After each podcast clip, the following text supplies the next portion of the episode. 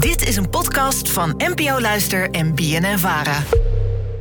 Hey, alledaagse. Laatst zag ik in het nieuws dat de KNVB had betaald aan hackers. En toen dacht ik, is dit nou een goed idee of moet je nou juist niet betalen bij chantage? Alledaagse vragen.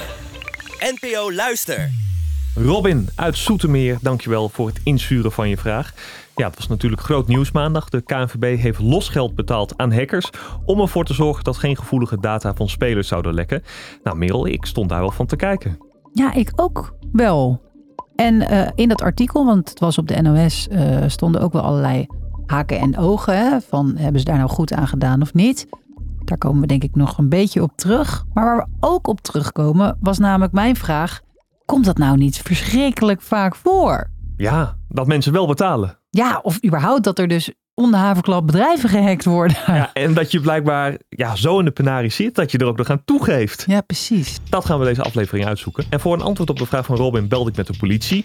Want ja, zij zeggen altijd, is mij tenminste altijd bijgebleven, betaal nooit geld als je wordt gechanteerd. Ja, en als de politie iets zegt, Ja, dan gaan we er toch wel vanuit dat het de waarheid is. Om even te horen waarom dat nou de juiste aanpak is, belde ik met Matthijs Jaspers. Hij werkt bij het landelijk high-tech crime team en kon ons uitleggen waarom dit de juiste gang van zaken is. Ja, het, het is eh, geen goed idee om dat losgeld te betalen. En dat is ook ons advies als eh, politie. Omdat je op die manier natuurlijk het criminele verdienmodel in stand houdt. Het is heel makkelijk om dat advies te geven. En het is heel ellendig als je in de hoek zit eh, waar de klappen vallen. Maar wij zien vanuit onderzoek dat het geld wat wordt betaald hè, als eh, losgeld ook rechtstreeks wordt geïnvesteerd in, in nieuwe aanvallen, in het opbouwen van de aanvalsinfrastructuur. Ja, en op die manier is het natuurlijk wel echt, eh, ja, het, het, het model wordt op die manier gewoon in stand gehouden. Dus dat, eh, ja, dat willen we voorkomen.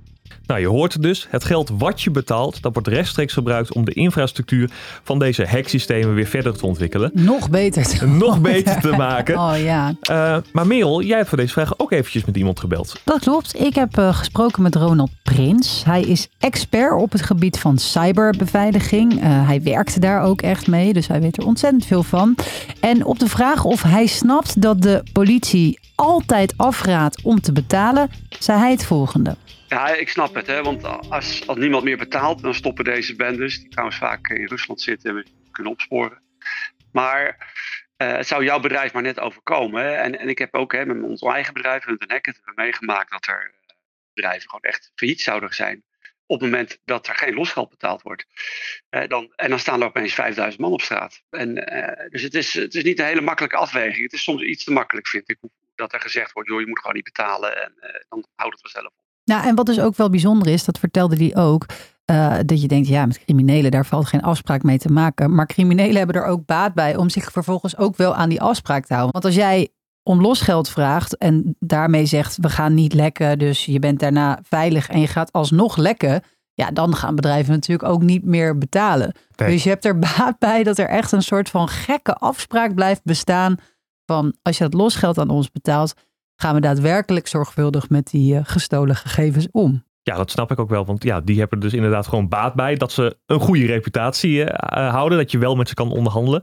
Ehm, je hebt ook eventjes met hem gesproken over hoe vaak het voorkomt. Ja, het komt dus heel vaak voor. Keiharde cijfers hebben we niet, maar je kan ervan uitgaan dat er wekelijks ja, zeg maar gedreigd wordt bij bedrijven met we hebben je gehackt en dit en dit hebben we aan informatie, geef ons geld.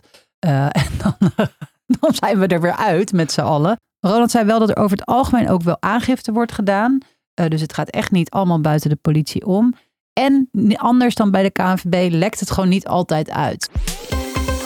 Alledaagse vragen. Nou ja, nu we een beetje hebben uitgezocht waarom je beter wel of niet losgeld kan betalen. Ja, willen de luisteraars waarschijnlijk ook weten hoe de criminelen te werk gaan. Het zijn echt criminele samenwerkingsverbanden, zoals de politie dat zou noemen. En je ziet ook allemaal specialisaties. Hè. Sommigen zijn heel goed in het, die eerste positie in een bedrijf krijgen om binnen te komen. Anderen zijn weer goed om dan te onderzoeken wat zit er allemaal in het bedrijf en wat is voor hun kritisch en wat gaan we dan nu platleggen. Eh anderen, anderen zijn weer goed in het afpersspelletje, dus de onderhandelingen voeren en de communicatie. Ze hebben zelfs helpdesk en zo om je te helpen om eh, de bitcoins te kopen, want je moet eigenlijk altijd met bitcoins betalen. En, eh, om, en, en om de sleutels in te voeren zodat je weer toegang krijgt. Ja, het is echt super professioneel. En het zijn dus ja, bendes die eigenlijk bijna altijd in Rusland zitten. Het is wel eens geprobeerd, geprobeerd in Nederland, maar dan staat de volgende dag de politie gewoon op je stoep. Gewoon zoals het zou moeten eigenlijk. Ja. ja. Even gewoon disclaimer, we willen ook vooral niemand aanraden hè, om losgeld te gaan betalen. Zeker niet. En ook niet om te gaan hacken. Nee. Dus, Robin, vandaag zochten we voor je uit of je hackers wel of niet moet betalen. En de politie die is daar duidelijk in. Het liefste niet. Maar toch is het verhaal daarmee niet rond. Want hackers betalen om je gegevens terug te krijgen is in sommige gevallen goedkoper en makkelijker dan het niet te doen. Dus je kan je iets bij voorstellen dat sommige bedrijven het wel doen als de kostenbaten zo uitpakken dat betalen gunstiger lijkt. Maar zoals gezegd, de standaard uitgangspositie is niet betalen en gewoon aangifte doen.